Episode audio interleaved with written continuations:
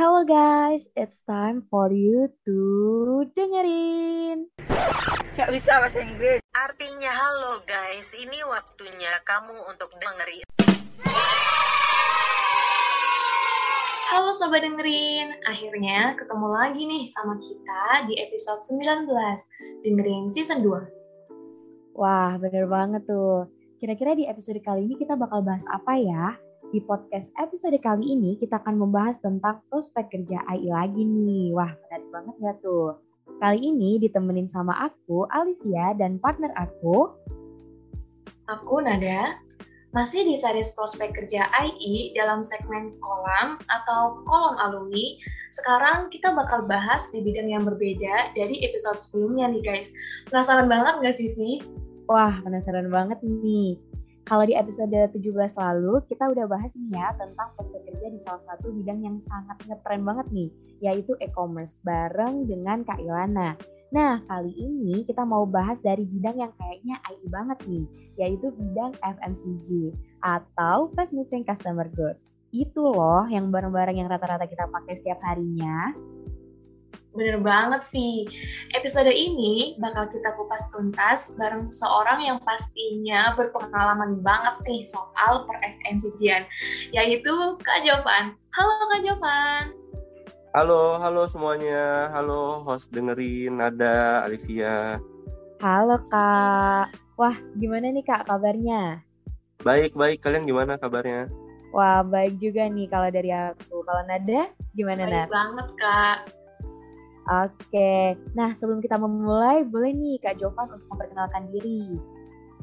Oke, jadi semuanya, halo. eh, saya Jovan Bernard. Em, aku dulu di IE itu tahun 2016, lulusnya 2020. Em, terus sekarang aku kerja di salah satu perusahaan FMCG multinasional di Indonesia eh, di JNJ. Jadi nanti kalau misalkan em, teman-teman ada mau nanya apa tentang FMCG, boleh langsung aja ke aku. Wah, jadi Kak Jovan ini juga salah satu alumni dari AI ya Kak, keren banget. Oke, mungkin langsung aja ya Kak, karena sobat-sobat dengerin ini sudah gak sabar gitu Kak untuk eh, mendapatkan informasi dari Kak Jovan sendiri.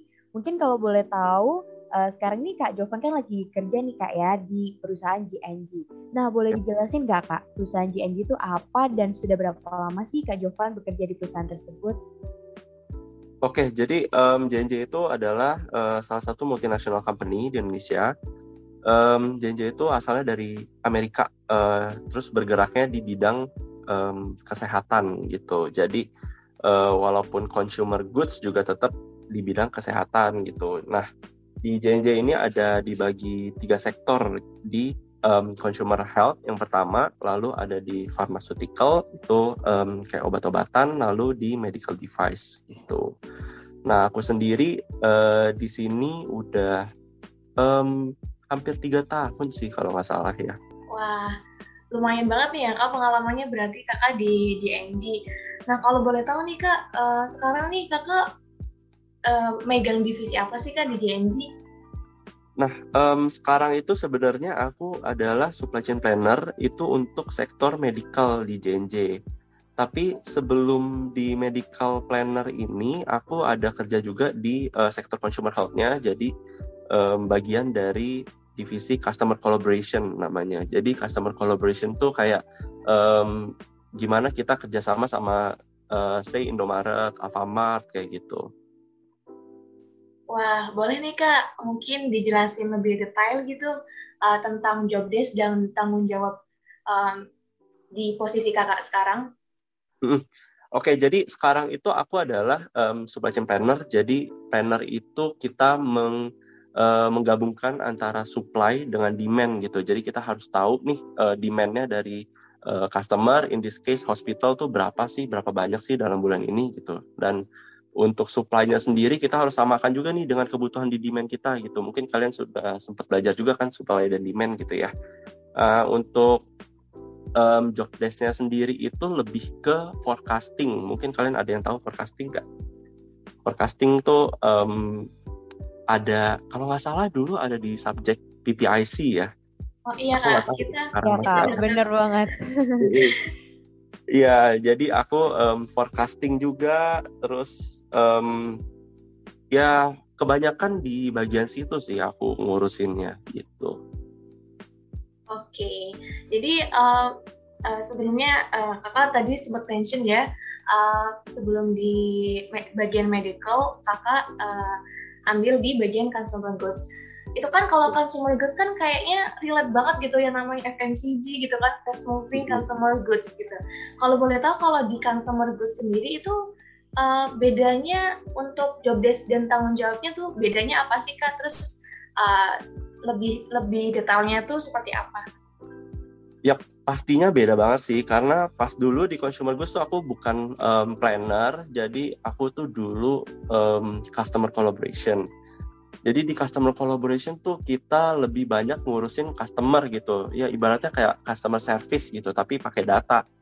Nah di customer collaboration ini um, mungkin kalau kalian di uh, eh, IE ada belajar subjeknya uh, eh, B2B gitu ya. Um, itu tuh jadi kita harus tahu um, demandnya mereka berapa, um, kondisi stok mereka gimana, sehat atau enggak gitu. Lalu juga untuk um, supaya ke depannya kita bisa supply mereka lebih bagus lagi gitu. Jadi data itu um, penting banget sih di supply chain gitu. Jadi semua yang kita lakukan itu um, based on data, walaupun kita ngurusin customer service juga kayak gitu.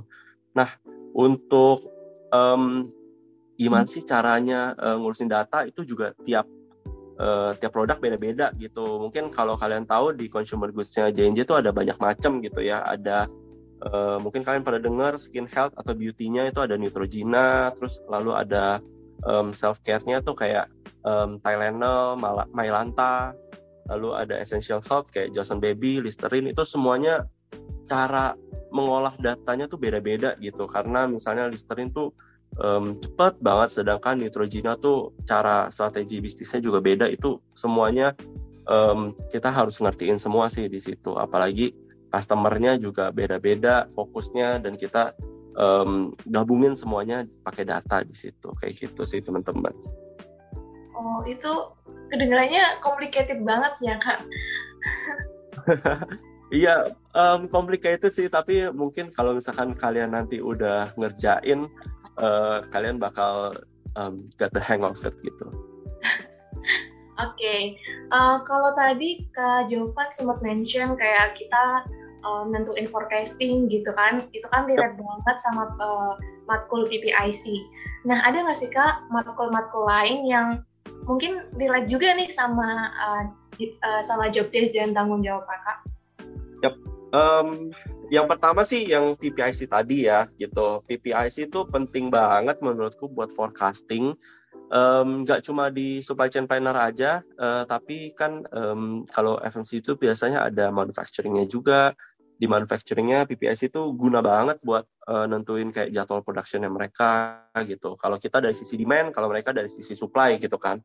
Jadi dua-duanya sebenarnya uh, related datanya, cuma um, beda cara forecastingnya gitu.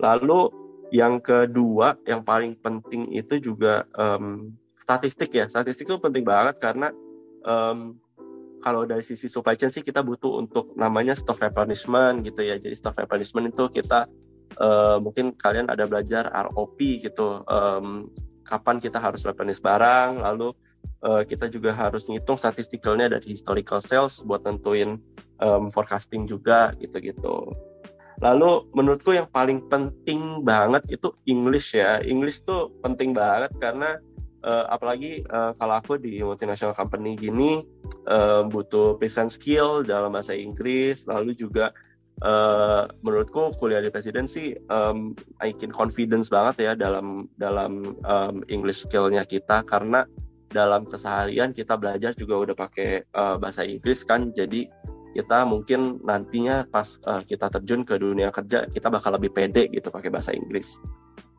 Lalu um, ada juga B2B aku lupa sih subjeknya apa. Dulu aku inget banget aku pernah belajar B2B um, dulu uh, ceritanya pakai sistem jualan uh, jus apel jus apa gitu aku lupa.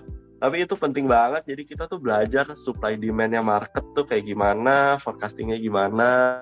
Terus kita juga tahu um, lead time dari manufacturing ke uh, marketnya berapa dari market ke customernya berapa itu semuanya data tuh um, penting banget gitu terus um, apalagi ya mungkin dulu ini ini nggak nggak nggak nggak um, subjek IT banget sih tapi uh, dulu aku pernah ikut um, salah satu IE competition juga uh, di Surabaya. Terus um, dikenalin tuh namanya beer game, beer game gitu. Itu itu tuh um, gamenya simple, gampang, tapi jelasin uh, supply chain banget di situ. Jadi itu seru banget sih kalau kalian nanti pengen cobain gitu.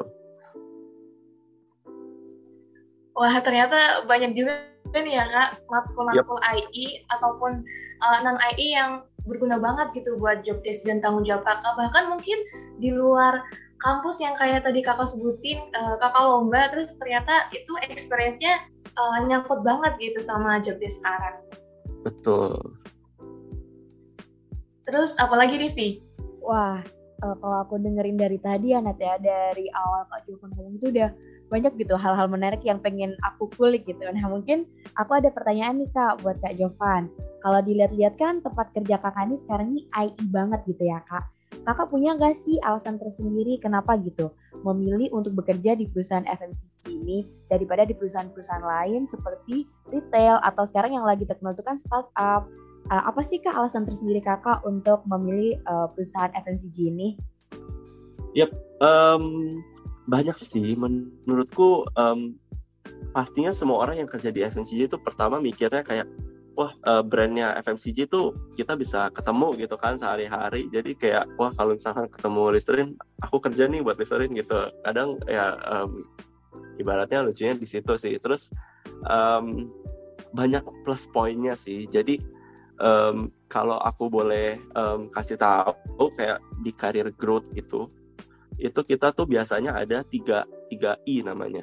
Yang pertama itu experience, exposure, sama uh, education gitu. Um, kalau experience sendiri itu bisa dari um, project-project gitu kan, bisa dari um, cobain kerja di different sector, kayak misalnya tadi kan aku bilang ada medical device, pharmaceutical, ada consumer goods gitu kan, itu menurutku um, aku dapat semua experience gitu di sini. Jadi aku kerja di JNJ tuh di satu company kayak aku kerja di tiga company yang beda gitu.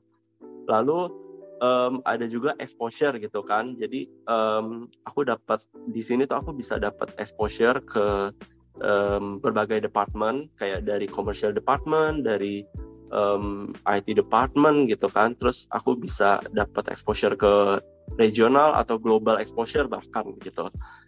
Lalu kalau dari education sendiri di FNC itu banyak banget kayak ada training, classes gitu itu berguna banget sih buat um, buat apa yang kita lakukan sehari-hari. Jadi sebenarnya banyak banget sih yang yang um, plus plus poinnya kerja di FMCG terutama uh, yang aku dapatkan gitu di di perusahaan yang sekarang kayak gitu.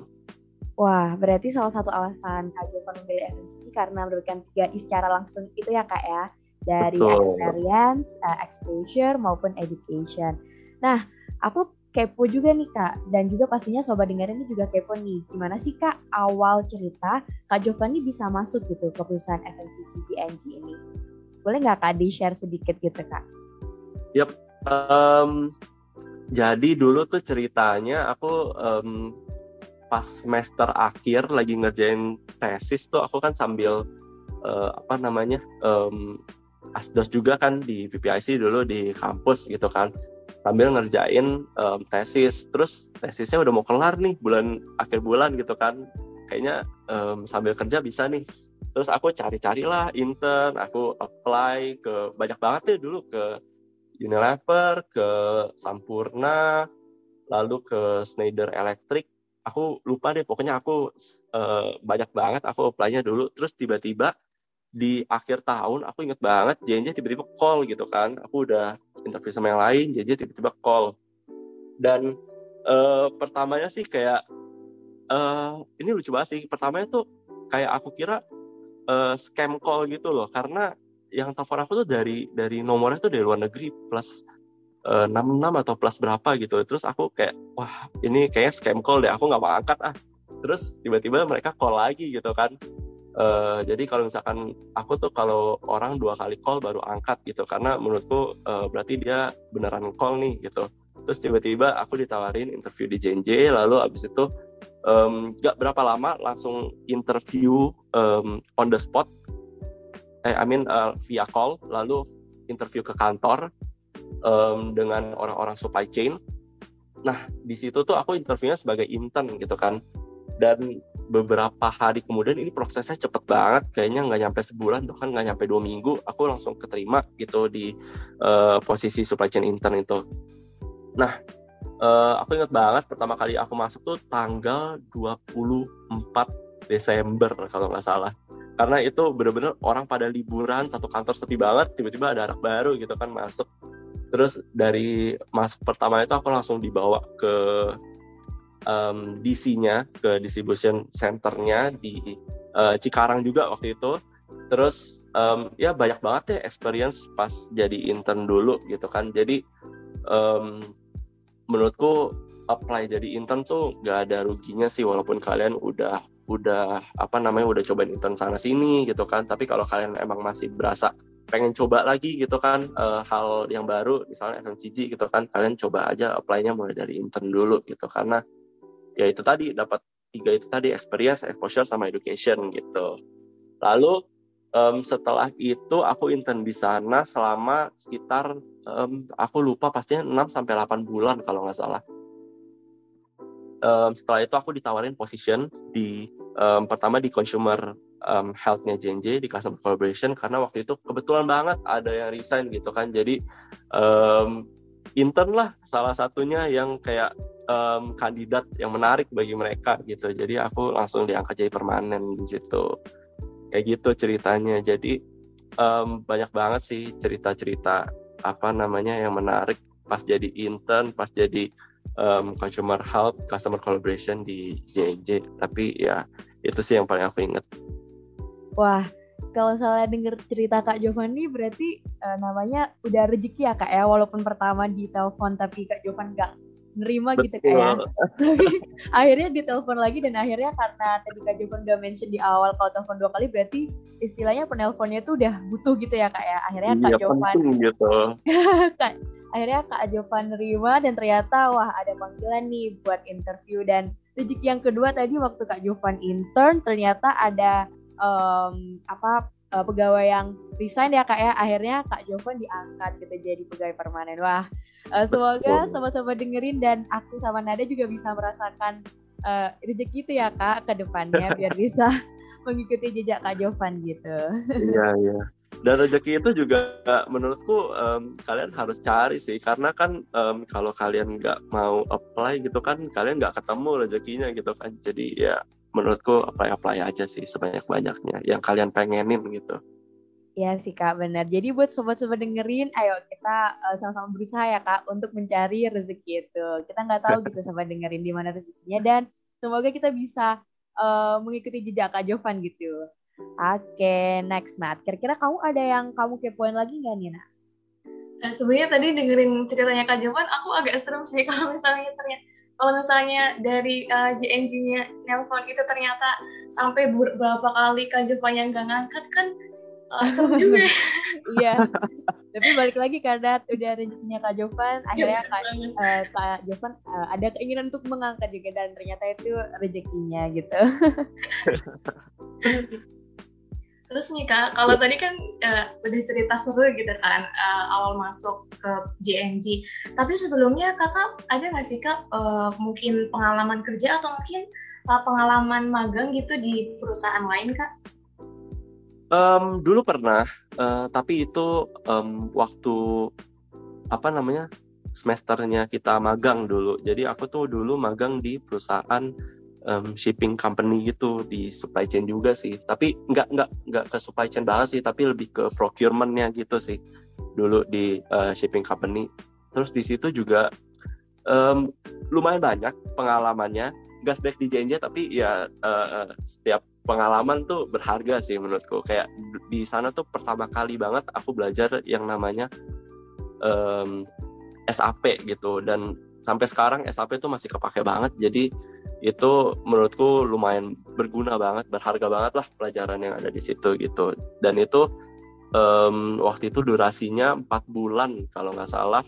Terus itu di situ aku bisa pakai juga buat laporan magang bisa pakai juga buat tesis. Jadi um, banyak banget ya yang aku dapetin dari situ gitu. Jadi kalau misalkan kalian magang tuh um, carilah data-data sebanyak-banyaknya, carilah kepo-kepoin aja gitu orang-orang di sana gitu kan. Siapa tahu nanti dapat bahan buat tesis gitu kan. Lumayan banget kita udah dapat pengalaman, dapat mungkin ada yang dapat gaji gitu kan, lalu dapat bahan tesis juga. Jadi kayak um, semuanya dapat gitu dari magang kamu. Uh, sekali mendayung dua pulau terlampaui gitu ya kak? Betul. Oke, okay. knowledge-nya berarti masih bisa dipakai sampai sekarang gitu ya, Kak? Betul. Oke, okay, tadi kan uh, kakak sempat mention kalau Kak Giovanni pernah intern di perusahaan shipping, yang mana itu uh, eh, non FMCG gitu.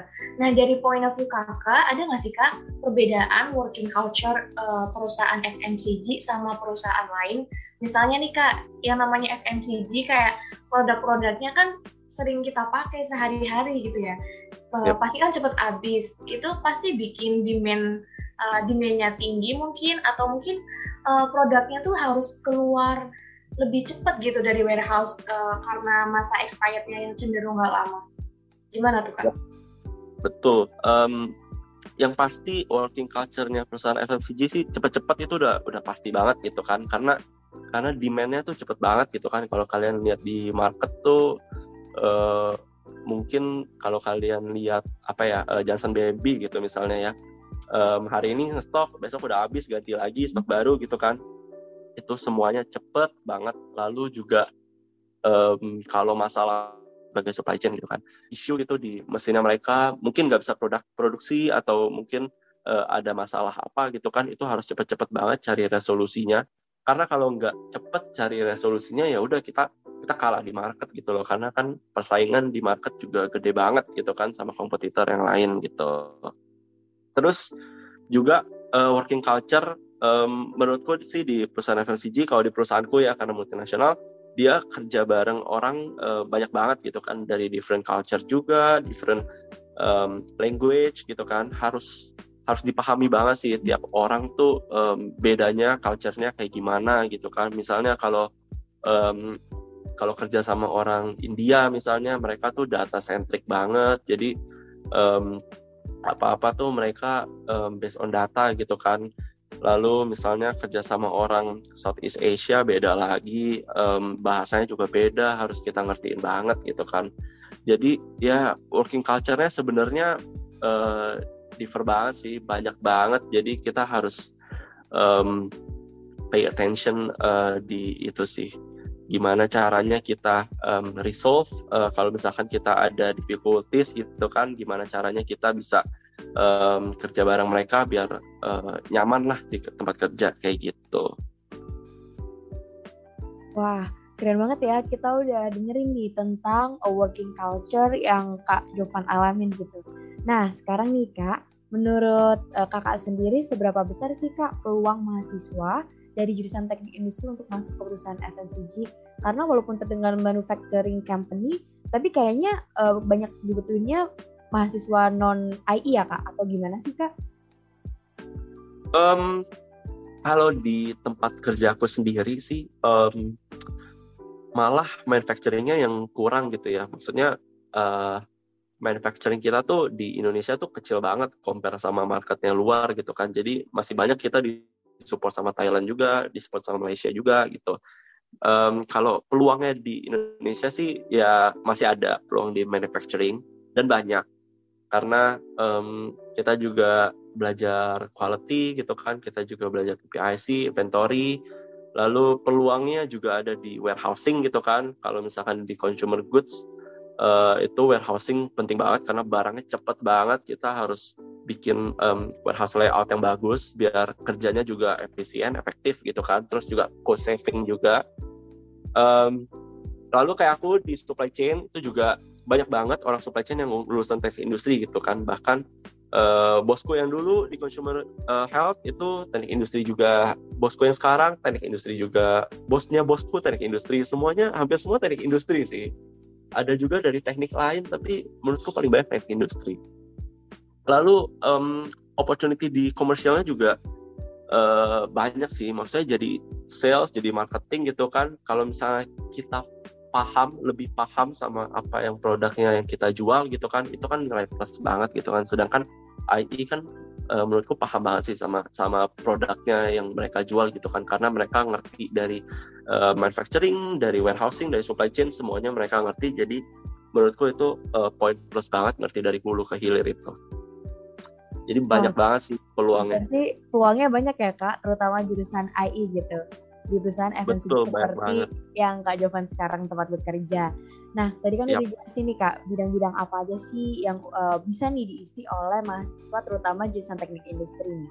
Nah, kira-kira uh, kelebihan yang dimiliki mahasiswa teknik industri dibandingkan dengan mahasiswa jurusan lain itu apa sih Kak? Sehingga lebih besar tuh peluangnya untuk masuk ke perusahaan FMCG. Um, ya aku um, jelasin tadi sih kita kan belajarnya dari benar-benar dari hulu ke hilir ya dari uh, proses manufacturing, dari production, uh, distribution gitu kan, warehousing, lalu juga um, transportation juga kita kan belajar ada namanya transportation method ya, gimana caranya kita uh, kirim dengan cost yang kecil banget karena transportation kan bukan bukan value added uh, service ya, tapi itu non value added service, jadi kita harus um, kurangin banget nih cost di situ gitu kan, itu semuanya kita belajarin di IE, jadi menurutku um, kelebihannya teknik industri itu banyak banget sih karena kita belajar semuanya dan juga kalau kalian um, tertarik gitu misalnya dalam satu bidang misalnya kalau aku di supply chain kalian dalamin lagi di supply chain juga itu dalamnya luas banget gitu jadi banyak banget opportunity-nya banyak banget um, apa namanya uh, yang bisa kita um, kerjain gitu dari sisi teknik industrinya jadi peluangnya juga gede, kelebihannya gede banget sih dari dari yang kita udah pelajarin sekarang. Wah, kalau misalnya dengar cerita dari Kak Giovanni, ternyata mahasiswa teknik industri ini memiliki kelebihan yang banyak ya Kak. Dan semoga sobat-sobat dengerin, semua bisa menggali nih kelebihan-kelebihan yang bisa menjadi nilai plus nantinya. Nah, kalau misalnya kita udah bicara tentang kelebihan nih Kak, pasti juga ada kekurangan. Nah, kira-kira apa sih Kak hal-hal yang masih belum dimiliki oleh mahasiswa teknik industri gitu Kak? Jadi harus lebih belajar lagi agar uh, nanti uh, waktu kita bekerja tuh uh, kita bisa mempunyai nilai plus yang lebih gitu Kak. Yap, um, kekurangannya ya, um, yang pasti semua semua subjek di kuliah tuh nggak, menurutku ya nggak nggak akan 100% um, cover kebutuhan atau uh, pas nanti actual kerja gitu loh. Walaupun kita belajar uh, misalnya supply chain di IE gitu kan, tapi prosesnya tuh ada aja yang beda gitu. Atau uh, contohnya kayak forecasting tadi gitu kan di BPSC gitu. Dia ada beberapa method tapi yang uh, aku pakai gitu kan aku lebih uh, gabungin sama statistikalnya gitu kan. Jadi ada uh, banyak banget yang kita pelajarin tapi nggak akan 100% tuh um, ya itu tadi cover kebutuhan kita untuk nanti di kerjaan gitu kan um, tapi ya nanti asalkan mau belajar mau um, kepo-kepo tetap belajar abis kuliah tuh nanti bakal banyak banget yang bakal kita uh, ilmu baru gitu pelajaran baru. Jadi pastinya asalkan mau belajar pastinya semua semua goal semua uh, kekurangan ini akan bisa diatasi sih menurutku. Wah Berarti itu ya kak ya, kuncinya harus mau belajar nih buat sobat-sobat dengerin semua yang ingin tahu lebih lanjut, lebih dalam lagi, terutama di bidang FMCG tentunya harus belajar. Gimana nih Nat? Uh, udah dengerin kelebihan dan kekurangan nih yang kira-kira dimiliki oleh mahasiswa teknik industri. Kira-kira uh, udah introspeksi diri nggak ya? Kalau aku sih dari tadi udah introspeksi diri gitu Nat. kira-kira apa aja nih yang udah aku dapet nih dari poin-poin yang Kak Jovan uh, sebutin dan kira-kira apa nih aku yang harus lebih belajar lagi? Kalau Nada sendiri gimana Nat? Bener banget, kayaknya aku bakal catat sih ini apa aja yang harus aku pelajarin lagi gitu kan. Uh, ya belajar lagi, apalagi pengen banget nge-CV masuk FMCG. Iya, iya, iya. Kalau misalnya udah dengerin beberapa poin dari Kak Jovan yang udah Kak Jovan ceritain sih kayaknya menarik ya Nat ya. Dan semoga kita juga bisa ngerasain ya Nat. Iya, menarik banget. Oke, okay.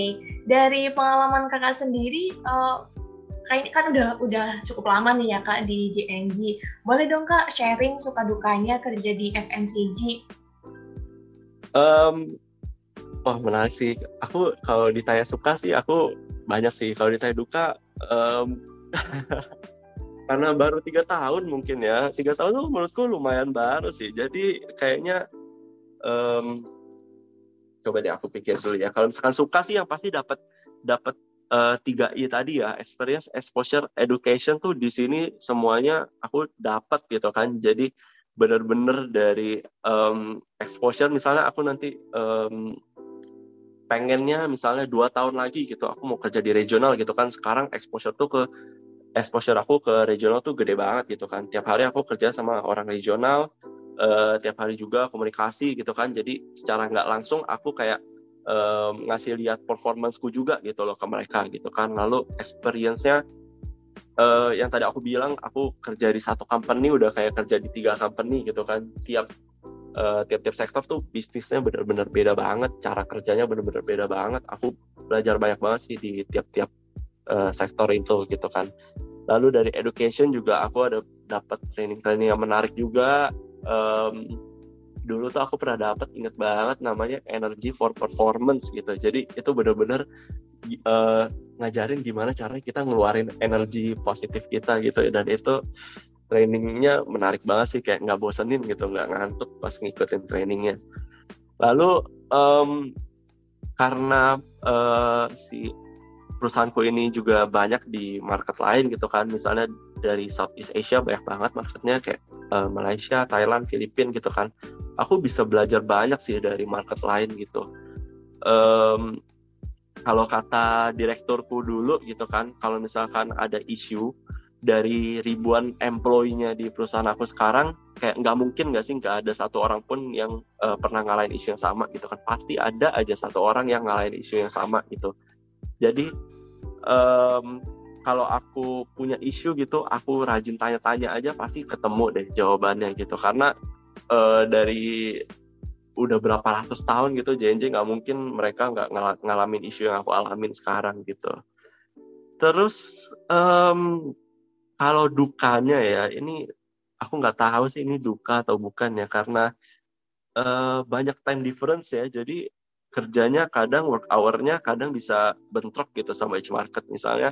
Uh, kalau misalnya kita butuh meeting sama orang US gitu kan mereka tuh bedanya 12 jam gitu sama kita. Jadi antara kita nih yang harus ngorbanin uh, kerja malam-malam atau mereka yang harus ngorbanin kerja malam-malam kayak gitu. Ya itu tapi nggak nggak selalu sih kayak ya adalah sekali dua kali. Lalu um, ya ini juga penting banget sih yang tadi aku bilang nggak boleh berhenti belajar gitu kan. Ikutin update-nya perkembangannya gimana sekarang di uh, di market gitu kan jadi kalau misalkan kita knowledge-nya dapat update semua market tuh um, kerjaan kita kebantu banget sih itu sih mungkin ya suka dukanya Wah, berarti sejauh ini masih uh, lebih banyak sukanya lah ya kan daripada dukanya. Iya, semoga semoga di kerjaan kita nggak ketemu duka yang banyak banyak sih. Kalau kita iya. nyaman kan pasti kita senang juga kerjanya gitu. Iya betul. Terus juga tadi kan dukanya uh, sebanding lah ya kak sama um, yang suka yang kakak dapet gitu ya kak. Betul. Oke, terus nih ya kak, aku tuh pernah lihat tuh uh, vlog orang yang kerja di FMCG gitu, terus mereka tuh bakal dapet produk-produk perusahaannya gitu. Menurut kakak itu privilege nggak sih kak? Um, privilege sih, apalagi kalau misalkan consumer goods-nya yang kalian pakai gitu ya. Aku uh, di rumah lumayan banyak sih produknya uh, eh, JNJ yang aku pakai gitu kan. Jadi kalau misalkan dapat uh, produk dari JNJ ya seneng banget sih. Kayak misalnya sering banget dapat Listerine dulu pas kerja di consumer goods gitu kan. Kalau sekarang kerja di medical um, barang-barangnya kayak benang jahit gitu. Kalau bawa ke rumah kayaknya agak kurang related ya sama sama kehidupan sehari-hari. Jadi ya dulu pas masih consumer goods sih banyak banget sih barang yang uh, dapat gitu kan benefitnya lah dari dari kerja di sini gitu. Wah, oke. Okay. Uh, eh, berarti lumayan banget ya, Kak. Alasan apa sih, Kak, yang Kakak tuh decide, oke, okay, uh, eh, aku tuh bakal kerja di FMCG gitu. Eh, uh, maksudnya kerja di perusahaan ini gitu di JNG? Um, ya yang pasti uh, yang pertama ya pas fresh graduate sih nggak ada alasan tertentu ya spesifik kenapa mau di FMCG gitu kan. Lebih kayak wah mau cobain aja gitu kan di FMCG gitu. Karena um, pas fresh graduate menurutku coba-coba semuanya nggak apa-apa sih. Karena kan umurnya juga umur kita juga masih muda gitu kan. Jadi coba semuanya apa yang kita suka atau misalnya sekarang nih aku kerja di supply chain aku bakal um, kepo-kepoin orang komersial misalnya atau orang dari um, departemen apa gitu kan yang belum pernah aku coba gitu kan. Nanti aku pengen lihat dia kerjanya tuh kayak gimana sih menurutku um, menarik nggak ya gitu. Atau menurutku aku bisa lebih bagus nggak ya kalau misalkan di situ. Jadi itu kalian harus harus cari tahu banget sih di situ. Jadi ke depannya nanti kalian akan lebih mudah buat nentuin um, ke depannya nanti kamu mau kerja sebagai apa nanti ke depannya kamu mau kerja di mana gitu kan. Jadi itu uh, lumayan banget sih. Kayak contohnya dulu pas aku kerja di customer collaboration aku tuh ngeliat planner kayaknya seru banget gitu. Mainan mainannya uh, data angka gitu kan udah pasti gitu kan. Jadi aku ngomong sama bosku kayak aku mau cobain dong di planner gitu kan. Terus tiba-tiba muncullah satu um, lowongan gitu di di uh, companyku.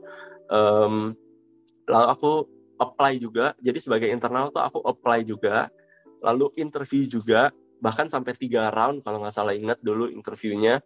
Uh, dan untungnya diterima gitu loh. Jadi aku dapat sekarang dapat exposure baru experience baru di planner dan uh, menarik banget sih. Ya yang pastinya um, pertamanya di FMCG ya karena uh, brandnya dikenal gitu kan. Um, seru menarik gitu ngurusin brandnya dikenal gitu kan. Kalau sekarang um, ngurusin medical juga um, sama um, aku kayak ngerasain kayak kita langsung impactful banget gitu ke ke customer gitu kan. Customer kita kan pasien gitu kan. Jadi impactful banget kayak misalnya ada um, besok mau operasi nih urgent gitu kan. Sebagai supply chain aku harus siapin um, barangnya supaya dokter-dokter bisa pakai gitu kan. Itu impactnya bener-bener langsung wah gila aku kayak saving life banget nih. Jadi kayak impact yang sekarang aku dapat tuh bener-bener uh, berasa banget sih menurutku. Jadi aku lumayan seneng sih kerja yang sekarang juga di bagian medical. Gitu sih kalau aku boleh share. Uh, ini ya kak ya. Kalau bisa dibilang tuh menjadi satu kebanggaan tersendiri gitu ya kak ya. Kalau misalnya kita ngurusin barang-barang yang bisa dikenal orang banyak dan tadi sih kak impactnya uh, beneran kerasa sih kak. Kalau misalnya kita bisa uh, bantuin orang-orang uh, terutama kayak pasien gitu ya kak buat sehat yep. buat sembuh gitu kak ya. Experience-nya ya kak ya yang benar-benar yep, kerasa banget.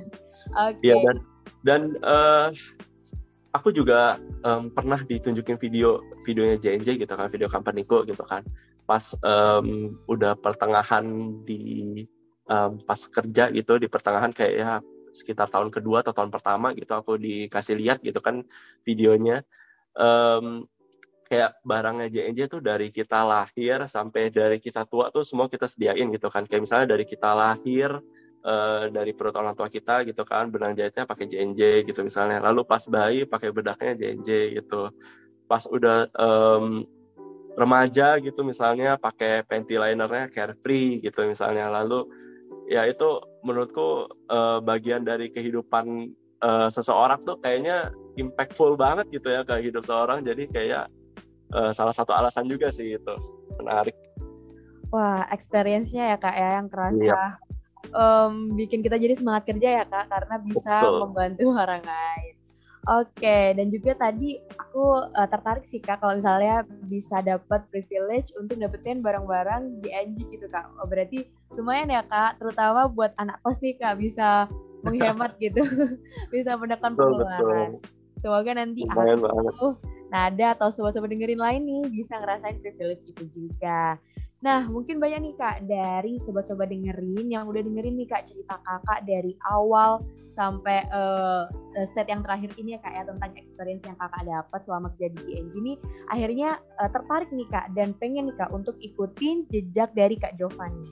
Nah, Kak Jovan sendiri punya nggak sih Kak pesan-pesan atau tips and trick gitu Kak yang bisa disampaikan uh, untuk uh, berada nih di posisi Kak Jovan yang sekarang bisa kerja di uh, FMCG uh, perusahaan GNG ini Kak? Um, ya menurutku opportunity jangan pernah dilepas sih gitu kan. Jadi nanti misalnya kalian ketemu um, caller gitu kan dari luar negeri nih, oh belum tentu itu scam call gitu. Kalian angkat aja gitu kan. Itu salah satu opportunity juga yang hampir aku tolakkan dulu. Lalu ya yang pasti menurutku um, gak cuma FMCG aja sih kalau kalian tertarik ke perusahaan lain apply aja ke semua company yang related. Misalnya kalian suka manufacturing uh, kalian apply aja ke semua company yang ada manufacturingnya gitu kan yang kalian pengen. Um, kenapa? Karena nggak bisa sekali sekali apply langsung diterima gitu. Kita sekali apply misalnya di perusahaan A kita besoknya langsung keterima itu um, susah banget gitu. Kadang kan kita butuh bersaing juga sama orang banyak persaingan kita tuh banyak banget di luar banyak banget teknik industri teknik industri sana di luar yang um, sama kayak kita nyari kerjaan fresh graduate gitu kan. Jadi menurutku apply aja ke semua company gitu kan. Untuk dapetin tiga tadi experience exposure sama education gitu. Baru nanti setelah kalian dapetin itu kalian mau ke uh, company yang kalian pengen gitu kan itu um, opportunity lah bakal lebih besar lagi gitu kan. Lalu um, ya kayak dulu aku pernah juga sebelum apply ke um, itu aku apply-nya ke Unilever juga aku pernah gitu kan. Dulu apply-nya masih apply intern gitu kan. Apply Unilever lalu udah um, sampai di tahap interview gitu kan. Tapi sayangnya waktu itu gagal jadi um, coba apply apply lagi yang lain gitu. Dan menurutku apply interview gagal itu proses yang uh, harus kita lalui sih. Maksudnya bukan harus kita lalui tapi akan kita lalui menurut gue jadi dinikmati aja prosesnya uh, waktu interview kalau misalnya gagal kira-kira uh, introspeksi aja kira-kira apa ya yang bikin gagal gitu. Uh, dan jadikan itu sebagai kayak bahan latihan interview lah untuk uh, interview-interview ke depannya jadi kita akan lebih uh, baik lagi gitu ke depannya. Lalu um, menurutku fokus ke CV juga sih jadi di CV itu benar-benar dikasih value-nya kamu gitu kan. Uh, nggak jangan melebih-lebihkan apa yang value yang udah kamu punya kamu cantumkan di situ kan. Um, lalu pas interview juga harus maksimal gitu jelasin tentang diri kamu gitu kan. Karena si um, interviewinya ini nggak ada bayangan sama sekali tentang kamu. Dia baru pertama kali ketemu kamu gitu kan. Ya yang bisa dia dengar cuma dari apa yang kamu jelasin doang gitu. Jadi benar-benar maksimalin jelasin tentang diri kamu pas waktu interview gitu. Nggak nggak perlu nggak perlu terlalu takut gitu karena uh, semua question yang dikasih interview pasti ada jawabannya di di CV kamu gitu kan. Tinggal kita merangkai um, apa ya kayak kata-katanya aja gimana cara kita uh, menjelaskan tentang diri kita secara tidak diberlebihkan dan uh, bisa menarik gitu buat si interview ini dengar gitu. Jadi um, CV itu dari mulai dari CV sampai mulai dari interview itu penting semua sih dalam proses uh, hiringnya terutama di FMCG ya. Jadi ya um, coba-coba aja sih menurutku apply ke semua company gitu kan uh, yang kamu pengen dan uh, hopefully ada satu yang nyangkut gitu kan karena kan kita juga nggak tahu ya kapan kita jodohnya sama employee ini eh, sama company ini kapan kita jodoh sama company yang satu lagi gitu kan jadi coba-coba aja sih semuanya menurutku. Amin. Semoga nanti uh, sobat dengerin juga gitu ya kak uh, dari coba-coba yang yep. berbanyak itu, semoga ada nih satu yang nyantol. Nah berarti sobat dengerin uh, harus memperhatikan ya mulai dari sisinya harus menjelaskan diri uh, sendiri dan juga waktu interview nih harus memperlihatkan kelebihan nih dari sobat dengerin. Nah kak tadi kan uh, ada nih kak Jovan uh, ngomongin tentang persaingan gitu ya kak ya yang beneran uh, banyak banget dan uh, sangat ketat gitu. Nah, kira-kira menurut Kak Jovan, persaingan yang seperti apa sih Kak dan gimana sih Kak caranya agar kita tuh lebih unggul gitu Kak daripada applicants-applicants yang lain? Um, persaingan tuh pasti ada dan banyak banget bahkan kalau misalnya fresh graduate ya persaingannya ya lebih banyak lagi gitu kan karena benar-benar semua orang tuh barengan um, cari cari experience pertama gitulah ibaratnya ya. Jadi mungkin uh, beberapa tips dari aku. Um, yang pertama itu um, kalian maksimalin di magang yang kalian sekarang dapetin ini sih. Jadi di magang yang sekarang kalian uh, lakuin ini, kalian tingkatin rasa penasaran kalian, curiosity kalian tuh bener-bener ditingkatin gitu. Rasa pengen tahu kepoin aja semua orang-orang yang di sana gitu kan. Gimana cara ini gimana cara itu gitu kan. Bisnis prosesnya gimana bisnis flow-nya gimana. Kalau kalian udah tahu di, di, di bisnis prosesnya bisnis flow-nya itu pasti kalian akan lebih uh, mudah sih dalam menjalankan um, keseharian kalian di dunia kerja gitu kan. Lalu yang kedua yang dari tadi sering aku bilang juga jangan berhenti belajar gitu kan. Even habis kuliah tuh masih banyak banget pelajaran knowledge di luar sana yang bisa kita ambil gitu loh. Nggak um, semua nggak semua pelajaran yang dikasih di kuliah itu kepake tapi akan jadi basic yang bagus banget buat kalian di kerja nanti. Dan masih banyak banget yang bisa kalian uh, pelajarin gitu di situ. Kalau ibaratnya kalau kalian mau nyemplung misalnya ke dunia supply chain itu tuh dalamnya dalam banget gitu loh. Kalau misalkan ibarat kalau berenang tuh kalian ya nggak habis-habis lah berenang ke bawah gitu kan. Lalu yang ketiga menurutku ini penting sih. Ini kita harus pede banget pede sama value yang uh, yang diri kita punya gitu.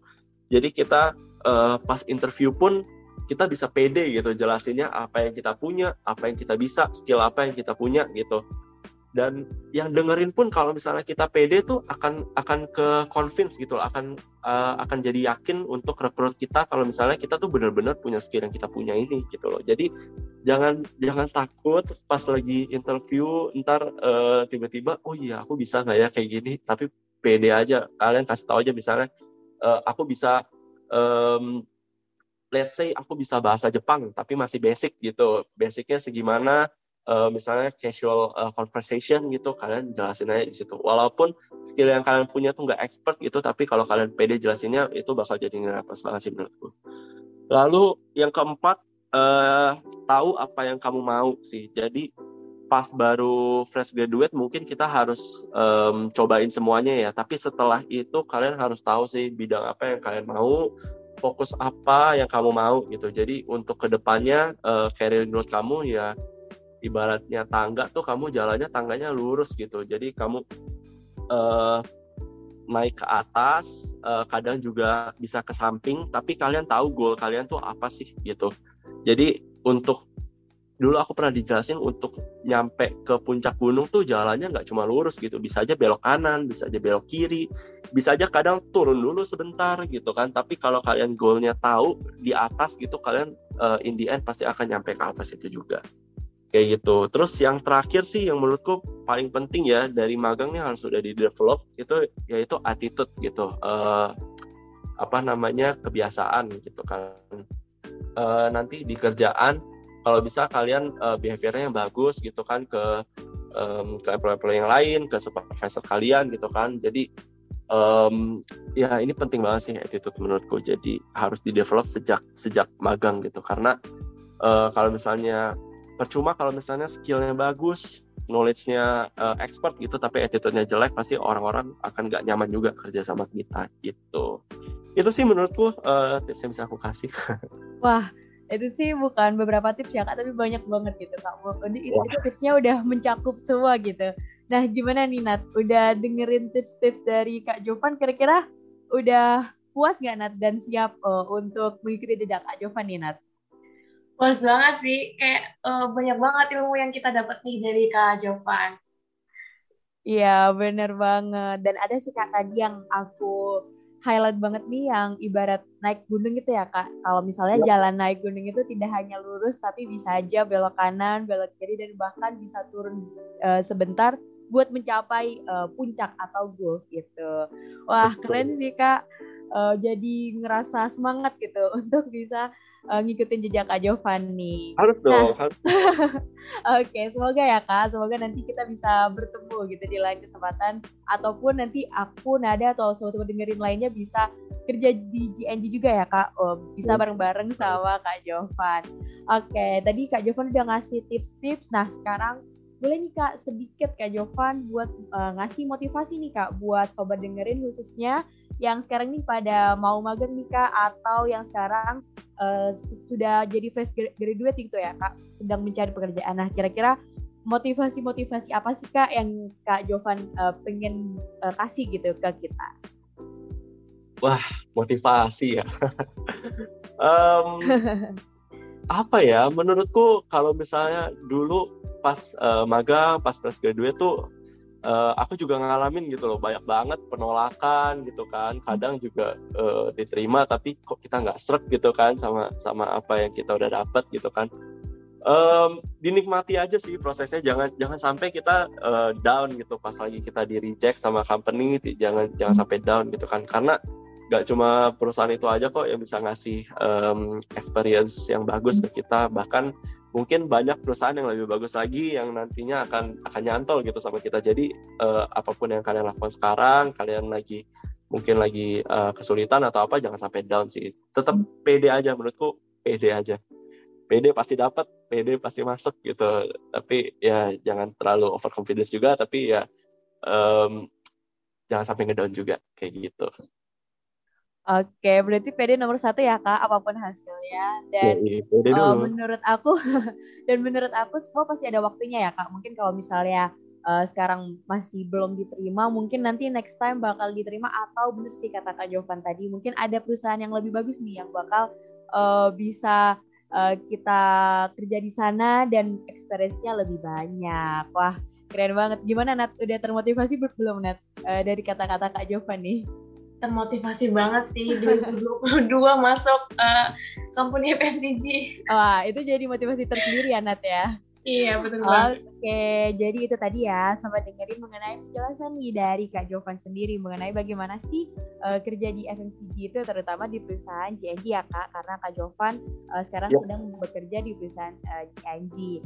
Nah, semoga doa baiknya semoga sobat-sobat dengerin yang tertarik nih um, uh, di perusahaan FMCG yang ikut menyusul nih uh, jejak Kak Jovan di bekerja di perusahaan tersebut. Semoga bisa mulai sekarang ya mempersiapkan diri uh, mulai dari skill sampai knowledge dari info-info yang udah di-share nih sama Kak Jovan tadi. Dan semoga info-info uh, tips and dari Kak Jovan bisa nih membantu kita untuk menambah value dalam diri kita.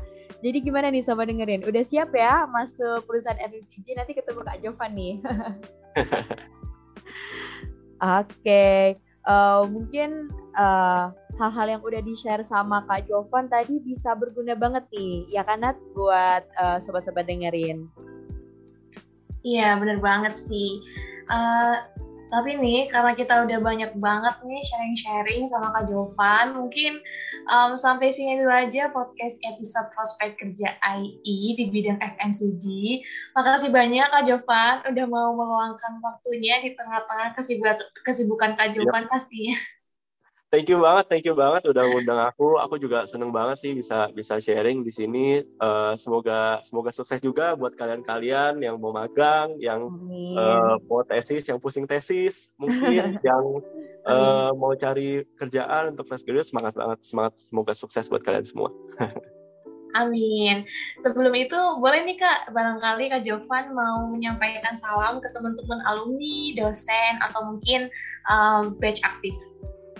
Um, ya salam aja sih buat um, buat dosen-dosen yang ada di kampus dan teman-teman juga. Aku dulu uh, bareng Cumi di uh, IE 16. Um, ya kita sampai sekarang masih kontak-kontakan sih, tapi salam buat uh, yang pasti salam buat dosen-dosen IE sih.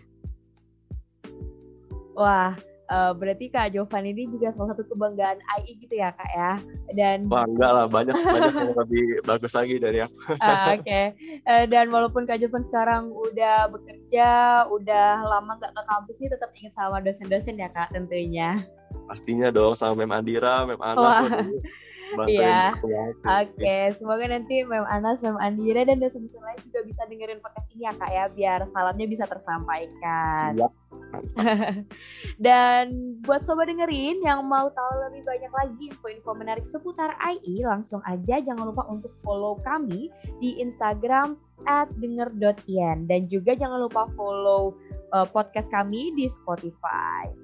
Dan buat sobat dengerin dan semua uh, para mahasiswa IE terus stay tune di podcast kami dan see you on the next episode of Dengerin. Derp, derp, derp, derp, derp, derp.